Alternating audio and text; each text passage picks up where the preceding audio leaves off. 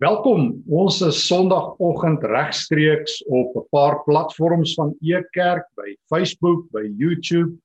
Maar die feit is, die goeie nuus is die wêreld vol en die lig weer vol en so welkom aan al die baie mense wat Sondagoggende regstreeks saam rondom die Here se woord saamkom. Dit is makliker om godsdienstig te wees in Jerusalem as in Babylon. In Jerusalem is daar 'n tempel. Godsdienstige personeel loop op die strate. Mense kom vir godsdienstige feeste. Dit is net die regte ding om godsdienstig te wees as jy in Jerusalem bly. In Babylon is dit heeltemal anderster. Daar is godsdiens op die rand van die samelewing. Dit is uitgestoot. Daar maak dit nie saak of jy glo of jy nie glo nie. Trouwens, Dit kan teen jou tel as jy godsdienstig is in Babylon. Jy kan uitgehaal word, jy kan selfs jou werk verloor, jou ehm um, veiligheid verloor om in Babel te glo. Ek het groot geword en dalk jy ook toe dit nog Jerusalem was met godsdiens. Uh die kerk was die belangrikste in my kinderjare en uh toe ek uh, nog 'n leraar was voor ek by universiteit beland het, Dominee moes nog 'n getuigskrif skryf en pastoor as jy 'n goeie werk wou hê. Wanneer die kerk besluit het een of ander popliedjie of een of ander boek moet verban word, het die regering uh, ingestem en dit gedoen. Selfs baie van die landswette is met die goedkeuring van die kerk gemaak. As die kerk besluit het iets is taboe, het die regering baie maklik agterna gepraat en wette gemaak om die kerk te beskerm. Onthou jy die Sabbatdagwette? Die kerk het besluit en die regering het dit gemaak. En toe sommer net so, so op 'n dag, toe word dit Babylon. Toe skuif alles. Toe skuif die kerk vanuit die sentrum na die rand van verskoning vanuit belangrik na onbelangrik. En ewe skielik is daar 'n hele plateau waar daar baie ander godsdienste is en baie ander stemme. Sommers so oornag het dit gebeur. En nou met corona tyd en lockdown tyd wat nou so bietjie verminder is ons ewe skielik nog meer in 'n wêreld wat miskien meer soos Babylon lyk as soos Jerusalem. En vir mense wat nie weet, Christene wat groot geword het en wat hulle identiteit gevind het in 'n Jerusalem soort wêreld, is dit baie moeilik om Christene te wees in Babylon. Tensy ons na God se woord luister. Die perfekte brief in God se woord, die perfekte dokument wat alle Christene eintlik dag en nag moet lees, is 1 Petrus. Dit is geskrywe vir die kerk in Babylon. Trouwens Petrus homself en ek wil vandag stil staan by 1 Petrus Maar hy sluit sy brief af in 1 Petrus uh, 5 dan sê hy die gemeente in Babylon stuur vir julle groete. So dis 'n skuilnaam vir Rome. As jy Openbaring 17 lees, dan word daar ook gepraat van die vrou wat daar in Babylon is. En dit is eintlik die skuilnaam wat Christene gebruik het as hulle na die stad Rome verwys het. Petrus sit in Babylon. Sy gemeente is en hy noem daar in 1 Petrus 1, hulle is so reg oor Klein-Asië maar hulle is ook in Babylon. Hoe lewe mens in Petrus se geval in 'n pre-Christelike wêreld so sterk 'n getuienis uit dat die mense Christene ernstig sal vat selfs in Babylon. Hoe leef mens in 'n post-Christelike wêreld in 2020 waar onderbo is en bo onder en voor agter en agterste voor en jy noem dit en almal eintlik um, spot en leef soos hulle wil. Hoe leef mense in so 'n wêreld? As jy in Babylon is tot eer van die Here. Hoe leef jy proaktief? Hoe is jy betrokke? Want dit is baie maklik om in Babylon eenkant te gaan sit en net so na die wêreld te kyk en te sê waar gaan alles heen en net te weet wat is alles verkeerd. Maar dis nie wat Petrus doen nie. Hy aktiveer Christene in 1 Petrus 2 om proaktief lig en sout en hoop te wees. Kom ons gaan kyk. Kom ons gaan kyk. En ek wil aansluit in die middel van 1 Petrus 2 en dan so bietjie saam met jou in hierdie aangrypende teks heen en weer beweeg. Ek wil aansluit waar hy besig is om vir huishoudelike slawe, manlike huishoudelike slawe 1 Petrus 2 vers 18 oiketai. Nou 'n oiketes is letterlik 'n manlike bediende. Jy is as Christen nogal redelik laag op die voedselketting as jy dit doen. En binne hierdie gesprek met hulle is hy besig om te vra, hoe leef 'n Christen? By wyse van Spreuke in Babylon. Hoe leef ek sodat ek soos hy in 1 Petrus 3 vers 15 en 16 sê, 'n goeie getuienis het? 'n Getuienis wat magneties is, 'n geloof wat goed afgee en nader trek. Wel, hy begin met Jesus, vers 21. Hiervoor is julle geroep, sê hy, omdat Christus vir julle gelei het en vir julle 'n voorbeeld gestel het sodat julle in sy voetspore kan volg. Sjoe, hoor gou mooi, kan ek dit gou weer sê? Jy is geroep. Baie mense sê hulle is geroep deur die Here. Petrus verduidelik waarvoor is jy geroep? Baie Christene weet dit nie. En as jy in ehm um, Jerusalem gebly het, dan gee jy ook nie so baie om nie. Dan het jou godsdienst so min of meer 'n bietjie uh beheer geword. Ehm um, ek onthou so baie gevalle van van die afgelope tyd waar Christene nog met 'n Jerusalem mindset lewe en as daar nie Christene op die toneel is dan wil hulle hulle sommer boelie. Onthou jy verlede jaar toe daar so by een skool in Natal kunswerke was wat baie Christene kwaad gemaak het of al hierdie gesprek oor wat se lewensmaak saak of in Januarie verlede jaar toe daar in, in Israel 'n uitbeelding was van Ronald McDonald aan 'n kruis, dan tree Christene hulle tand op. Dan wil hulle beklei. Ek onthou ek het op um, nou in die afgelope tyd weer op 'n paar Facebook bladsye afgekom van Christene wat dink ons is die Here se regsien aksie. Ons is sy arrestasiebeamptes. Ons moet mense regsien. Onthou het een ou gesê hy sal sommer 'n skool afbrand as hulle met die Here spot. Hoor nou wat sê Petrus. Hoe maak jy as jy in Babylon is?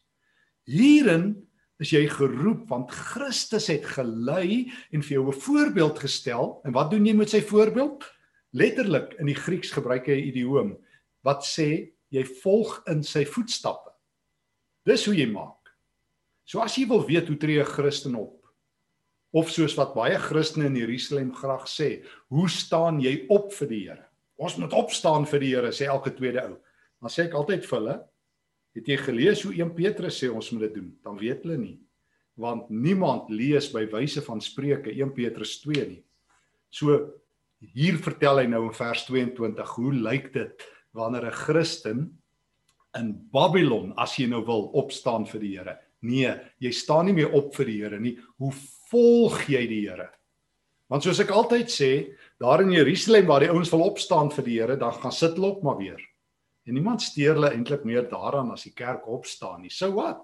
Hoe het 'n ou nou die dag vir my gesê, "So wat maak dit nou saak?" Net in die week vertel 'n kerk los ou vir my. Hoekom is Christene so bang? Daar's nie iets nie of hulle is bang. As daar 'n nuwe app uitkom wat iets oor corona te sê het, dan s' hulle bang. As daar een of ander iets is, dan soek hulle 'n anti-kris. Hoekom is julle Christene so bang? Vra hy vir my. Is julle nie veronderstel om ja, die Here te ken nie? Daarom kyk hoe tree Christus op as jy in Babylon lewe.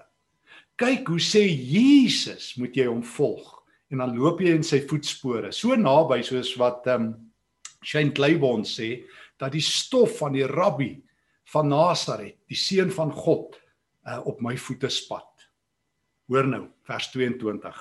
Hy het geen sonde gedoen nie.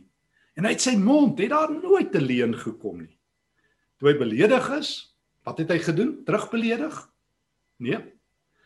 Hy het nie terugbeledig nie. Toe hy gelei het, het hy gedreig. Toe hy daar in die kruis hang met respek, het hy gesê: "Pere, hele dag kom. Ek gaan net so maak, dan kom maar weerlig uit die hemel." Nee, toe hy gedreig is, het hy nie teruggedreig nie. Hy het alles oorgelaat aan hom wat regverdig oordeel. Hoor weer 'n keer vers 21. Hiervoor is jy geroep. Hiervoor is jy geroep om in Jesus se voetspore te volg. En waar is sy voorbeeld? Ehm um, die Griekse woord wat Petrus gebruik, hypogrammos. Wat ons vertaal met voorbeeld beteken letterlik jy kyk na Jesus, jy sien en dan leef jy net so. Jy stap saam met hom. So wat doen 'n Christen as hulle jou beledig? Jy beledig nie terug nie. As hulle jou dreig, jy dreig nie terug nie. As hulle met jou spot, jy spot nie terug nie. Dit is die evangelie. Dis die evangelie van Jesus Christus. En ehm um, dan gaan Petrus voort. Vers 24 en hier kom die vliegtye oor 'n Sondagoggend. Hy het selfs ons sondes in sy liggaam aan die kruis gedra. Daardeur is ons vir die sondes dood en kan ons lewe in gehoorsaamheid aan die wil van God. Deur sy wonde is jy genees. Jy het so skape rondgedwaal en nou het jy teruggekom na die herder en die bewaker van jou lewe. Wat iemand sê nou die dag vir my? Ek bedoel 'n geestelike leier sê vir my toe ek vir hom sê toe hy vir my sê dis tyd dat ons moet opstaan. En ek 1 Petrus 2 met hom bespreek toe sê hy dis nie so maklik nie. Ek sê vir hom nou maar wie het gesê dis maklik. Die vraag is nie of dit maklik is nie die vraag is of dit reg is liewe dom nie. Het ek gesê die vraag is wat sê Jesus? En as Jesus sê volg my dan is dit die magnetiese roete En vir 300 jare het die kerk dit reg gekry. Toe kry hulle weer al die mag en toe begin hulle domineer. Toe kom Karel die Grote waar daar in die 7de 8ste eeu en hy sê met sy swaard as jy nie glo nie dan gaan jy dalk jou werk en jou kop verloor. En in ons dag toe ek 'n kind was, as jy nie ehm, 'n um, getuieskrif van dominee het nie, is jy in die moeilikheid. En as jy teen dominee gegaan het, was jy uit. En as jy op 'n Sondag nie in die kerk was nie, was jy uit. En as jy die 7de gebod oortree het, was jy uit. En ek sê nie jy moet dit oortree nie. Maar dit is maklik om in Jerusalem te glo as jy aan die regte kant is, maar in Babylon moet jy soos Jesus lewe. Ons moes dit nog altyd gedoen het. Dit is wanneer jy 'n dienskneg is, wanneer jy magneties is oor die hele wêreld, as jy dit dalk nog nie opgemerk het nie, hardloop op op militantheid.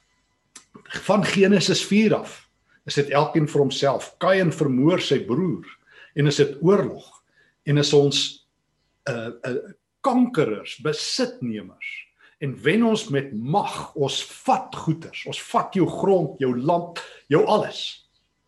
En nou kom Jesus, net Jesus, net Jesus die koning van die heelal sê in my omgewing is dit anderster. Die kerk ware gelowiges is die enigste uitsondering in die hele wêreld net in Babylon.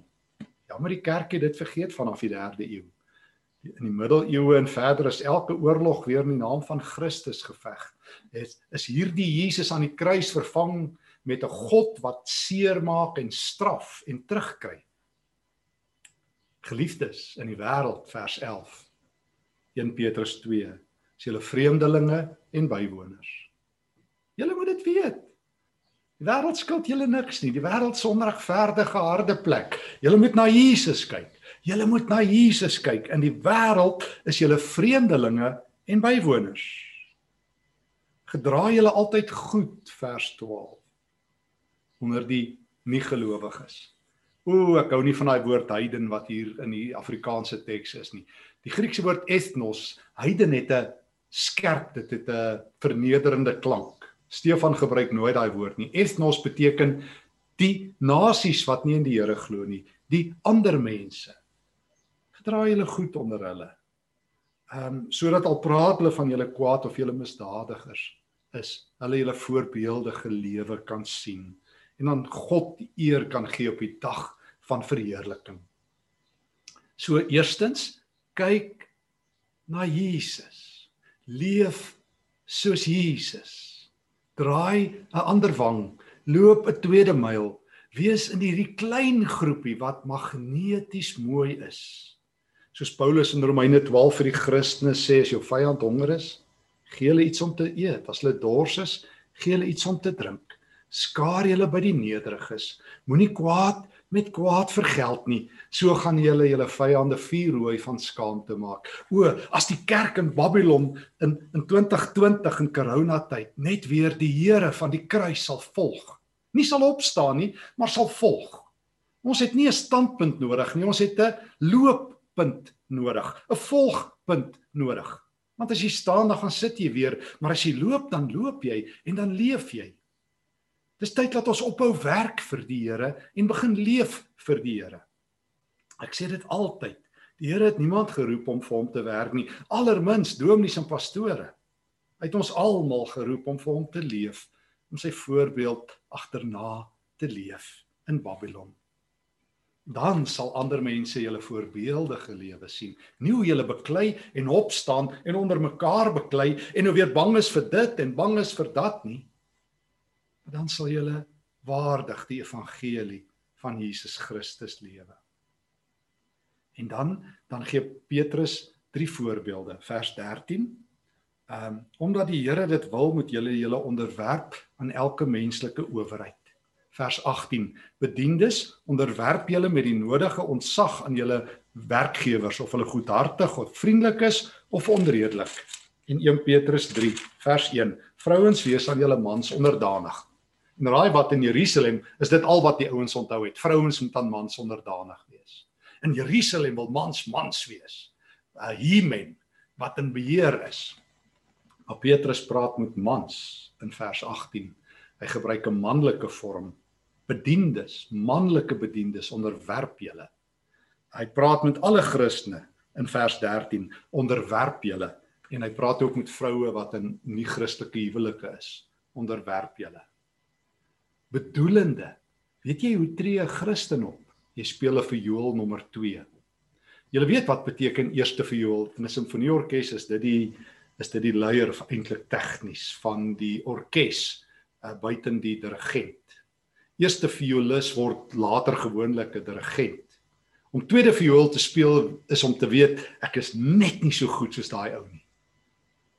Maar 'n Christen sê ek kies intentioneel. Dit is nie omdat ek 'n vloerlap is en 'n slegte selfbeeld nie, dis juist die teendeel. Ek kan my laat geld, maar ek kies om dit nie te doen nie. Ek kan my sê sê, maar ek kies om stil te bly. Ek kan terugslaan, maar ek kies om dit nie te doen nie. Ek kan jou verneder, maar ek kies om dit nie te doen nie. Ek kan opstaan vir my regte.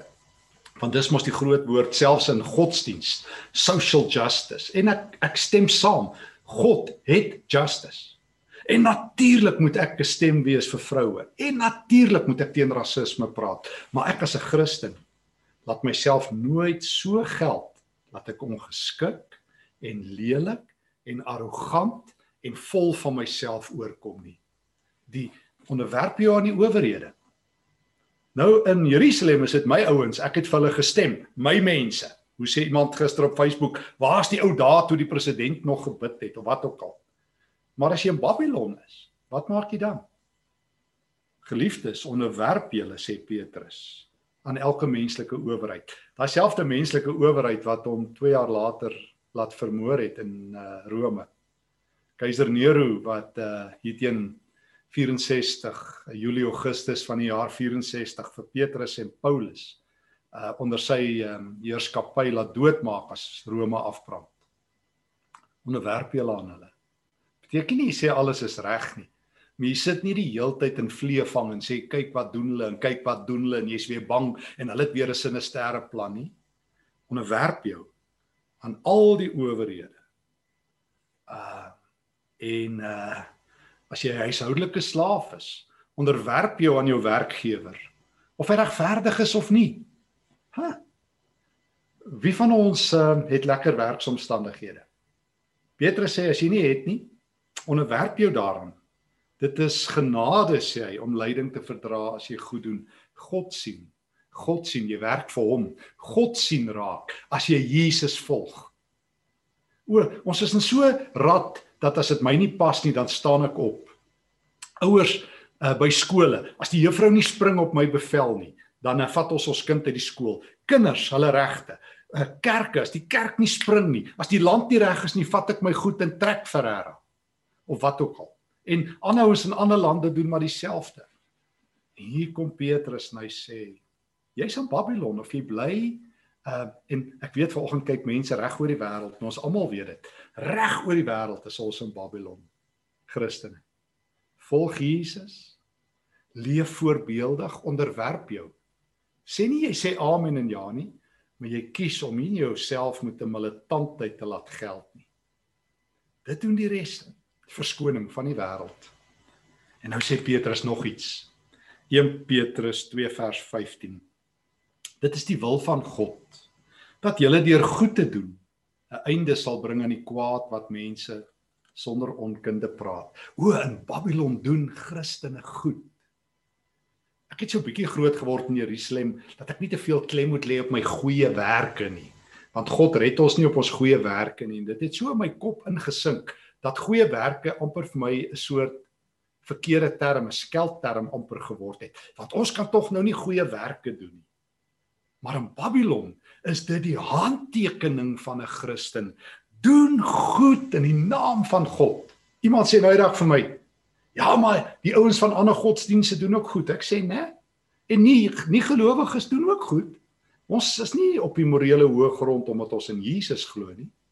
Maar ons doen dit in die naam van Jesus Christus. Doen goed. Dan sal jy 'n einde bring aan al die kwaad wat mense praat. Het jy gehoor wat sê die Here? As jy goed doen, sal daar 'n einde kom. Dis wat Paulus bedoel daar in Romeine 12. As jou vyand honger is, gee vir hom um, gee vir hom 'n uh, 'n uh, 'n uh, uh, beker koue water wat ek nou-nou gesê het en sit 'n bietjie vuurige kole op jy sit eintlik vuurige kole op sy kop sê hy bedoelende jy maak hulle skaam. Uh, want jy word rooi as iemand jou vloek en jy vloek nie terug nie. As hulle jou beledig en jy beledig nie terug nie, dan is jy besig om die evangelie van Jesus Christus te laat grondvat. Doen goed. Doen goed. So jy vra hoe leef mense in Babylon?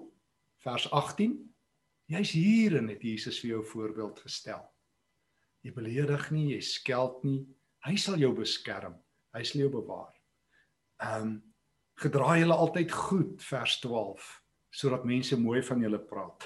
Doen goed, jy gedra jou goed, jy leef reg en jy doen reg. Kan ek weer sê, jy leef reg en jy doen reg. Nou wat moet jy doen? Vers 17. 1 Petrus 2. Respekteer alle mense. Almal. Almal ek lees 'n studie en ek het dit al 'n paar keer elke keer as ek oor 1 Petrus 2 praat dan vertel ek van 'n studie wat ek gelees het van geweldsmisdade waarvan ons land siek is en die wêreld siek is elke elke geweldsmisdadiger wat hulle uh, wat volgens hierdie studie se se respek is een of ander tyd van hulle al weggeneem. Ek onthou Larry King, die bekende, julle onthou nog vir Larry King wat daai gesprek geleier was in Amerika. Hulle het hom gevra toe hy daar afgetree het. Wat was die een belangrikste onderhoud wat hy ooit gevoer het?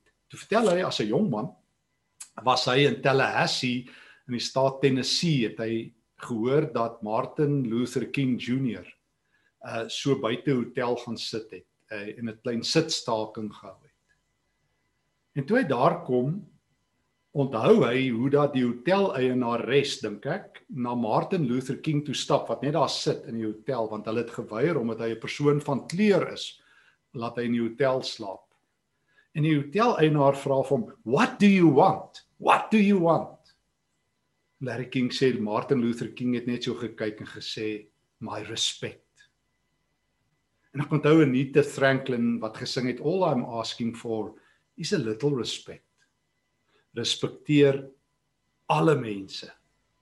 Die mense wat vir jou werk, die mense wat brandstof ingooi, die mense wat um, in jou tuin werk. Ek onthou ek skryf so paar jaar gelede, so 2 jaar gelede in die kolom wat ek in die koerant het elke dag in die beeld, skryf ek so 'n stukkie hoe my vrou en ek op die R21 op pad Pretoria toe langs die snel daar langs die snelweg is 'n volstasie en ons stop daar en ons gooi brandstof in En ek staan buite die motor met die petrol joggie in gesels en ek en my vrou het 'n bietjie biltong in die kar wat sy vir ons gekoop het.